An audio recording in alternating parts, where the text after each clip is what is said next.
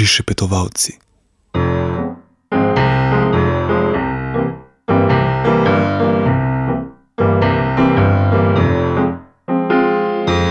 Želim živeti brez skrbi in tu jaz tiskam me ne briga.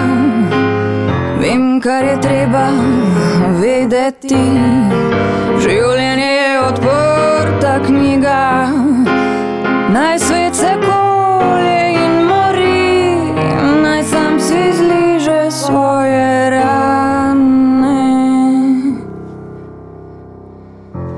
Nič več ne maram slišati, ne kvarite mi kembane. Največ je vreden mir, največ je vreden mir.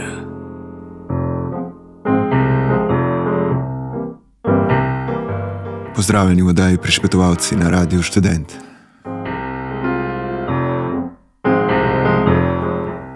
Zdaj je spet vse mirno, a še pred dvema tednoma je bila koalicija na tem, da se med sabo požre. Kar pomeni, ne da razpade, ne da se spusti v predčasne volitve, ne da po nekaj mesecih realizira tisto na pamet izrečeno napoved o nujno nestabilni koaliciji malih strank, ki ne more obstati do konca mandata. V tej situaciji, ko vlade kot vlade praktično ne čutimo, ko se razen redkih momentov v polni meri sploh ne zavedamo njenega obstoja, to pomeni nekaj precej bolj skromnega. Če je bilo videti, da so njeni elementi na tem, da se med sabo požrejo, to pomeni samo to, da so si začeli javno najedati. Kar je ta trenutek definitivno maksimum dogodka, ki ga od njih lahko pričakujemo.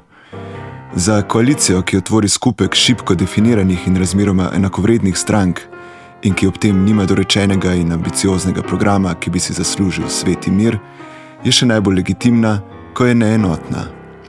Dejstvo, da so si začeli najedati, ker je ena stranka hotela višji dodatek za upokojence, druge pa so se ji zoprstavile, bodi si z direktno varčevalno logiko, bodi z neprav resno mišljeno zahtevo po še večjem zvišanju, to bi v resnici morali pozdraviti. Ne kot bistven spopad, ne kot trenutek, v katerem se je dobro enoznačno razločilo od zla, temveč kot minimalno znamenje življenja, kot signal, da v tej nasilno pomirjeni strukturi nekaj ne štima.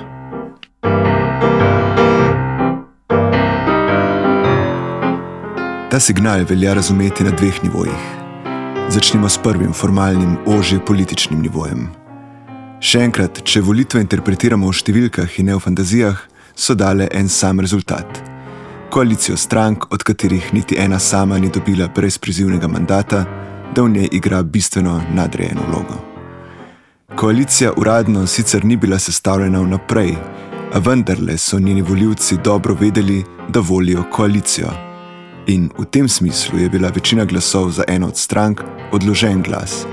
Glas, ki je računal na to, ali je vsaj dal možnost za to, da se z volitvami politika ne konča, temveč da se v pravem smislu šele začne. Da se torej tudi koalicija vsebinsko formira šele postopno, skozi konflikte, zlasti tedaj, ko stvari skrenijo z tistega minimalnega kurza, ki so si ga stranke zastavile v koalicijski pogodbi. Kdor si želi drugačen tip oblasti, v katerem bi prednost odstotka ali dveh pomenila legitimen razlog za idejno prevlado, bi moral odkrito priznati vsaj eno: volitve, ki potekajo po proporcionalnem, že zdaj dojema, kot da potekajo po večinskem sistemu.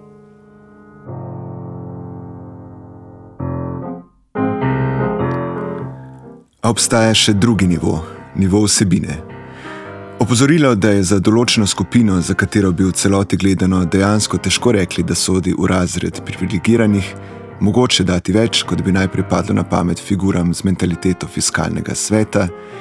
To opozorilo ima sicer lahko svoje subjektivne politične vzgibe, a kot opozorilo, kot opozorilo, da država lahko da več kot da, bi moralo biti popolnoma samoumevno. In pri tem v prvi vrsti sploh ne gre za vprašanje odnosa do dobitnikov dodatka. Ne gre in ne sme neposredno iti za vprašanje milosti, sploh če je ta milost tudi ob največji cifri še vedno preskromna, da bi imela resen učinek.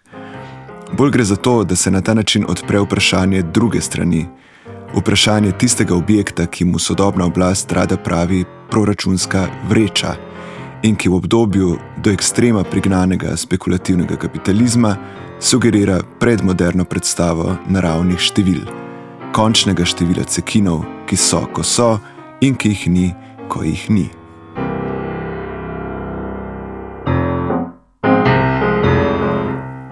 Če smo se v času krize naposlušali govora o nemožnosti dodatnega zadolževanja in sicer tudi takrat, ko je zadolževanje spet postalo matematično racionalno, je letos stvar postala še malo bolj nenavadna. Da se v časih visokega proračunskega primankljaja sprašujemo o dopustnosti trošenja, je ena stvar. Povsem nekaj drugega pa je, da se o dopustnosti trošenja sprašujemo v časih proračunskega presežka. In v takem trenutku se videz logike lahko ohrani samo na en način: da se v javni zavesti utaji presežek kot tak. Da bi še naprej propagirali idejo vreče, ki ima svoje naravno dno, vreče zdaj ni več oportuno javno pokazati. Temveč je njeno velikost treba skriti. Treba je skriti absolutno številko, da bi se uveljavila gola ideja dna, ki pa se ne zanaša na številke, temveč na čisto ustrajanje vrčevalne retorike, ki se je kot vsaka ideologija zalezla globoko v njene subjekte. In ki na mesto sedanjost gleda v nenapovedljivo prihodnost, ki nas prav kot nenapovedljiva opozarja na našo omejeno in globoko nemoralno požrešnost. Zdaj je, imamo visoko gospodarsko rast in proračun se polni zelo učinkovito. Kdaj bi lahko plače izboljšali, če ne zdaj? Kajti, če zdaj ni pravi trenutek za izboljšanje plač v javnem, podpiram pa tudi vse dvige v zasebnem sektorju, potem ni nikoli in ga nikoli ne bo, kar pomeni, da je tu problem nekje drugje. Ampak gospodarske rasti ni mogoče vsaj natančno ne predvideti vnaprej. Kaj če se čez leto ali pa čez leto in pol zgodi, da bo odstotek dviga BDP-ja bistveno nižji. Boste sposobni stopiti korak nazaj?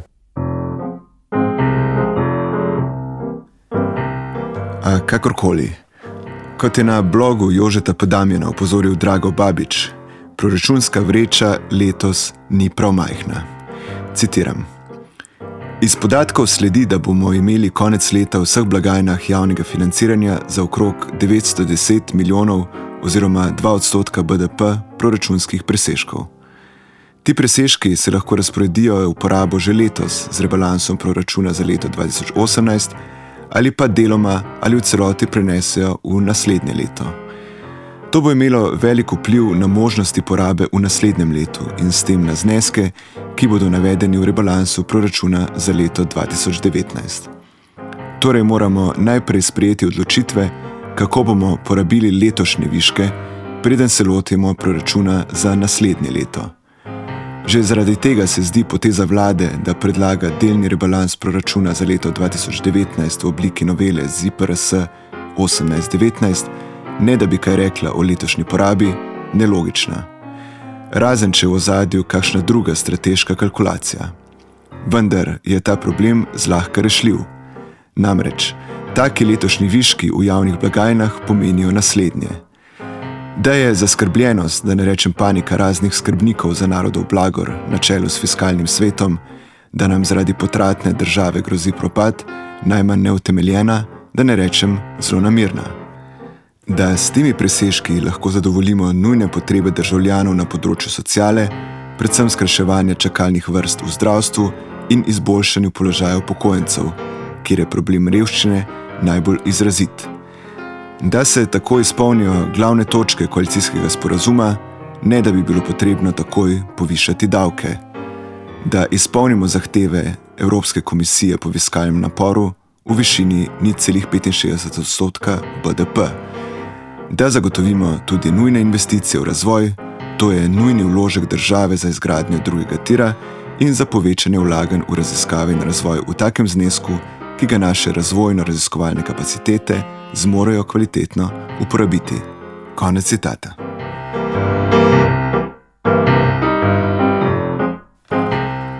Skratka, tudi zahtevo po večjem povišanju dodatka za upokojence bi morali razumeti kot objektivni signal, ki bi nas usmeril k najbolj bazičnemu izhodišču vsake razprave o delitvi javnih sredstev, k številki, ki je zdaj čudno pozitivna in ki bi kot taka rada ostala skrita. Da se čisto slučajno razprava o delitvi ne bi sprožila od začetka, z novih predpostavk, in da bi do konca časa ostala omejena na tistih par milijonov, ki jih mora uboga oblast vedno znova spraskati z dna vreče, in ki tiste, ki so jih deležni, napajajo slabo vestjo destruktorjev stabilnosti.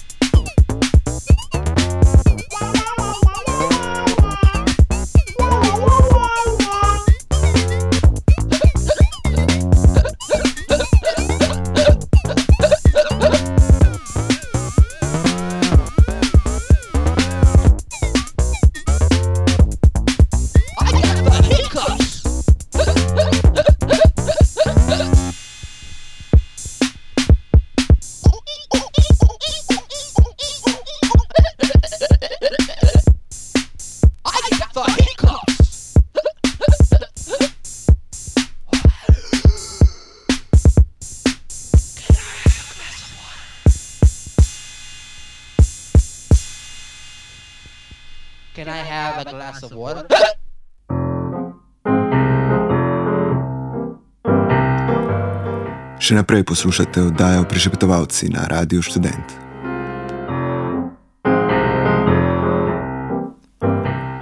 Spomnimo se malo Mira Cerarja.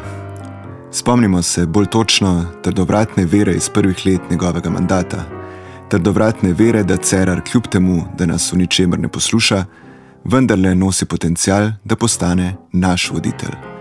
Da je vendarle figura, ki bo nekoč prisluhnila našim besedam, našim nasvetom in našim željam, ter na to končno udarila po mizi in se zoprstavila vsemu, kar je zlega v družbi. Če odmislimo prazne humanistično-kolumnistične fraze iz njegovega predpolitičnega obdobja, seveda nikjer ni bilo niti sledu o tem, da bi nas želel poslušati, a mnogi so kljub vsemu ustrajali. Pa naj gre za javnost ali tiste najplemenitejše, zdaj že bivše elemente njegove lastne stranke. Ako stvar naposled ni in ni hotela delovati, se je fantazmatski cerar, sinteza dobrote in odločnosti, zlagom razcepil na dvoje. Vlogo dobrega, dovzetnega, dialoškega, po srcu mehkega cerarja, ki prisluhne vesti in civilni družbi, je prevzel Milan Brgles. Drugi del, prazna, kvazi histerična odločnost, ki jo je Cerar uprizoril ob koncu mandata, pa je zaplavala v zraku in začela iskati novega kandidata.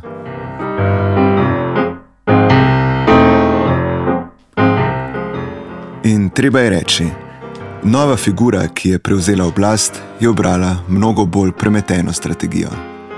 Če je Cerar narekovanje tempa prepustil drugemu, če je narekovanje tempa prepustil fantazmatiki dobrega oblastnika, po kateri je na prvem mestu dobrota, odločnost pa je lahko zgolj njen izraz, je Marjan Šarec nemudoma obrnil vrstni red.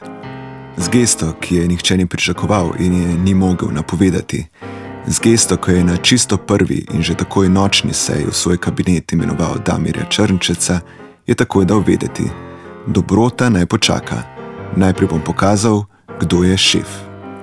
In bolj ko bo gesta videti grda, bolj ko bo videti nelogična, manj ko bo utemeljena v predstavah, ki si jih je javnost o meni ustvarila v kampanji, toliko bolj bo gesta zasijala kot gesta. In ker jaz, Marjan Šarec, nikoli ne bom bolj nedotakljiv, kot sem nedotakljiv prvi dan, ker zdravi razum veli, da se izvoljenega voditelja pač ni mogoče naveličati že na čistem začetku, bo toliko bolj mogočno zasijala tudi impotenca mojih kritikov. Sploh ne bo več bistveno, ali jih ignoriram ali ne. Impotenco bodo začutili že v trenutku, ko bodo želeli protestirati.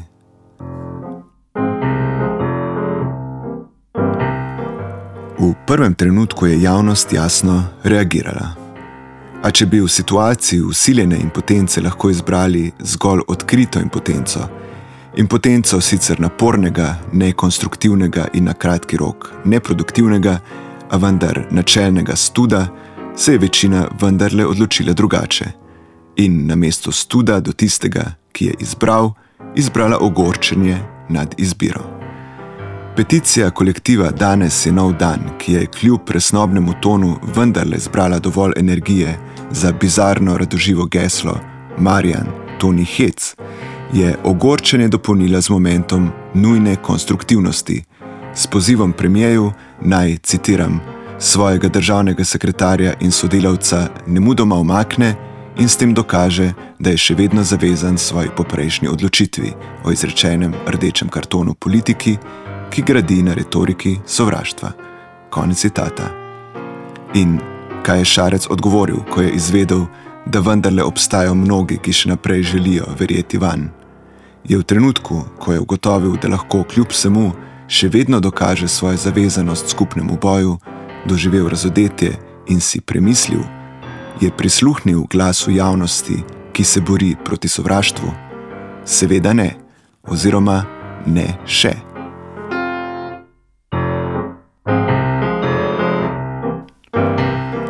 Zdaj je bil namreč čas za pojasnilo. Pojasnilo, ki je v izumljanju lastne logike v celoti sledilo topi naravi same geste. Kaj je Damir Črnčec na Twitterju in v reporterju pisal predtem, se je tudi Šarcu seveda zdelo problematično in ne pritiče poziciji državnega sekretarja, a to ni nobena drama. Črnčec je bil, kakršen je bil, a sekretar Črnčec bo, kakršen bo. In če bo drugačen, kot si želim sam, ga več ne bo. Včeraj je bil ksenofob in rasist, a danes bi skoraj rekel, danes je nov dan. Tudi tega, kako sem s Črnčecom začel sodelovati že leto nazaj, me raje ne sprašujte. Tudi jaz sem bil takrat zgolj Marjan Šarec in še ne predsednik vlade. Danes je pač nov dan. Bil sem, kar sem bil, zdaj bom, kar bom.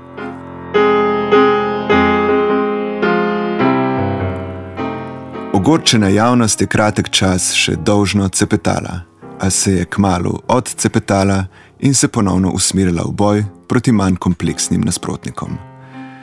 Potem, ko je zlagoma začela odkrivati odglaševanje državnih in nedržavnih podjetij v ultradesničarskih medijih, se je z akcijo Botri sovraštva ponovno oglasil isti kolektiv ter pozval k prenehanju te prakse. In glej, tokrat je bil protest uspešen. Reagirala sicer niso podjetja, a reagiral je Marjan Šarec.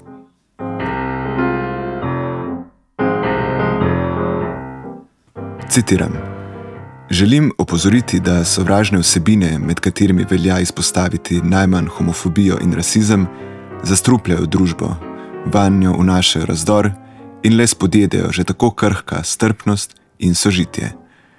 Meja dopustnega, že zdaj pogosto zabrisana, tako še bolj bledi. Res hočemo, da sprejemljivo postane prav vse. Morda se do vsebin, ob katerih se pojavljajo vaši oglasi, ne želite opredeljevati, a to je napačen odnos, kajti bravci vaše ravnanje lahko razumejo tudi kot aktivno podporo zapisanemu. Še več, sovražnim vsebinam dajete legitimnost. To verjamem, ni vaš namen. Konec citata.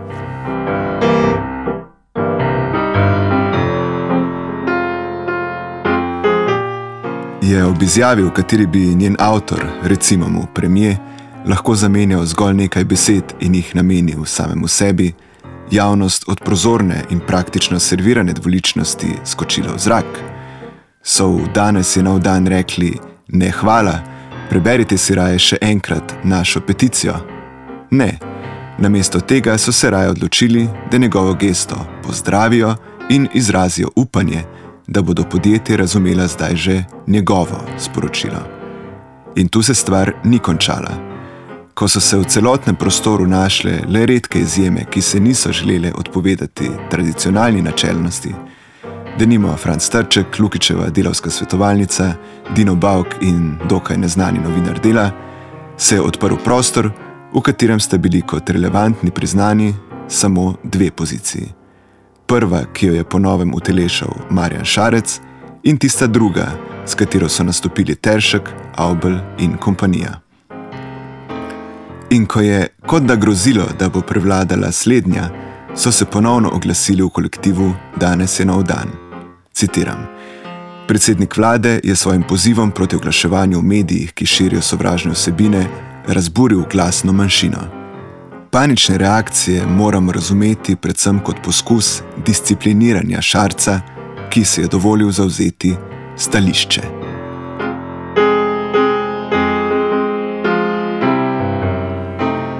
Da bi šlo za akutno amnezijo lastnih gest, je seveda težko verjeti. Prav tako je težko verjeti, da bi plemeniti nameni preprosto izginili. Nasprotno, prav plemenitost namenov se prodaja kot pragmatični razlog, zaradi katerega je nujno odmisliti etično sitnarjenje po tradicionalnem modelu in se uprit lepšega sveta pridružiti objektivnemu zavezniku.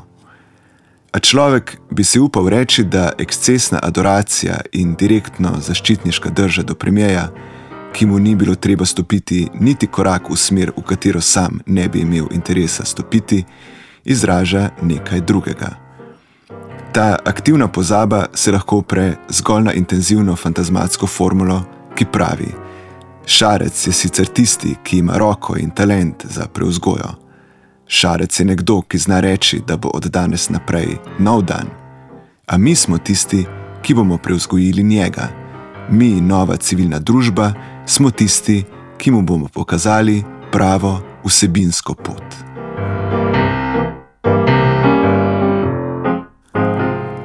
Kaj je funkcija te fantazme? Kaj je tisto, kar skuša prešiti in osmisliti fantazma o vladanem vladarju? V njenem jedru je očitno prav zavedanje impotence, ki smo se na polno nažrli že pod cerarjem, in želja, da se je nekako znebimo. Ako je bil prezir do lastne impotence preobražen v prezir do načelnega ustrajanja, je nevede ali pač srečal tisto geslo, ki ga je lansiral že cerar. Ne jamramo, iščemo rešitve. Lepo. A kaj točno nas sili, da pri tem aktivno sodelujemo z oblastjo? Kje točno piše, da moramo predsednika vlade vzeti za svojega? Nikjer ne piše, razen v še eni fantaziji. Fantaziji, ki riše svet, v katerem disidenti nismo le mi, temveč tudi nemočni predsednik vlade, ki nam lahko pomaga le tako, da mu najprej pomagamo mi sami.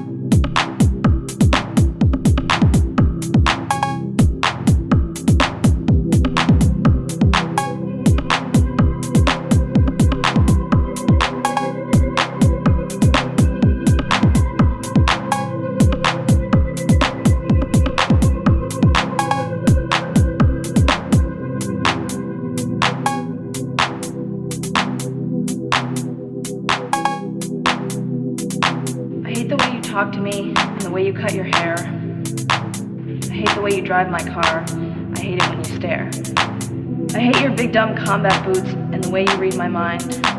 I hate you so much it makes me sick. It even makes me rhyme.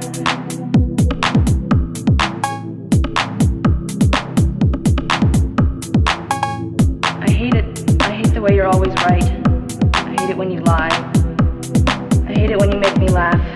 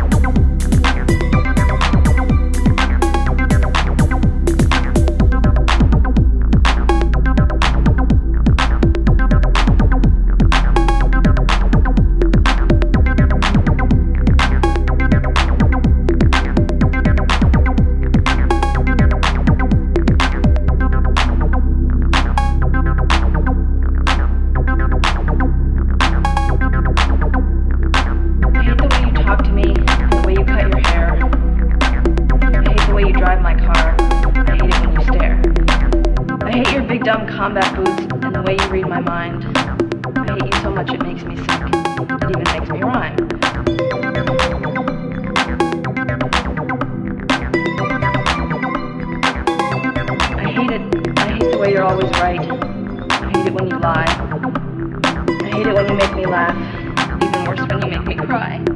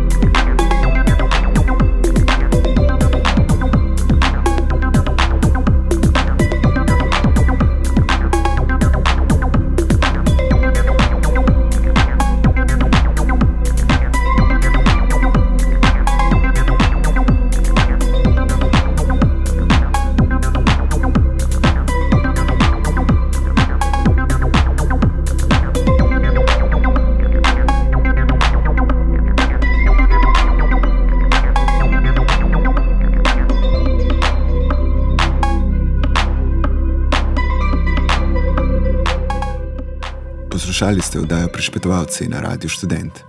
Pripravila so jo Aleš in Tadej, tehniciral je Linč. Prišepetovalci.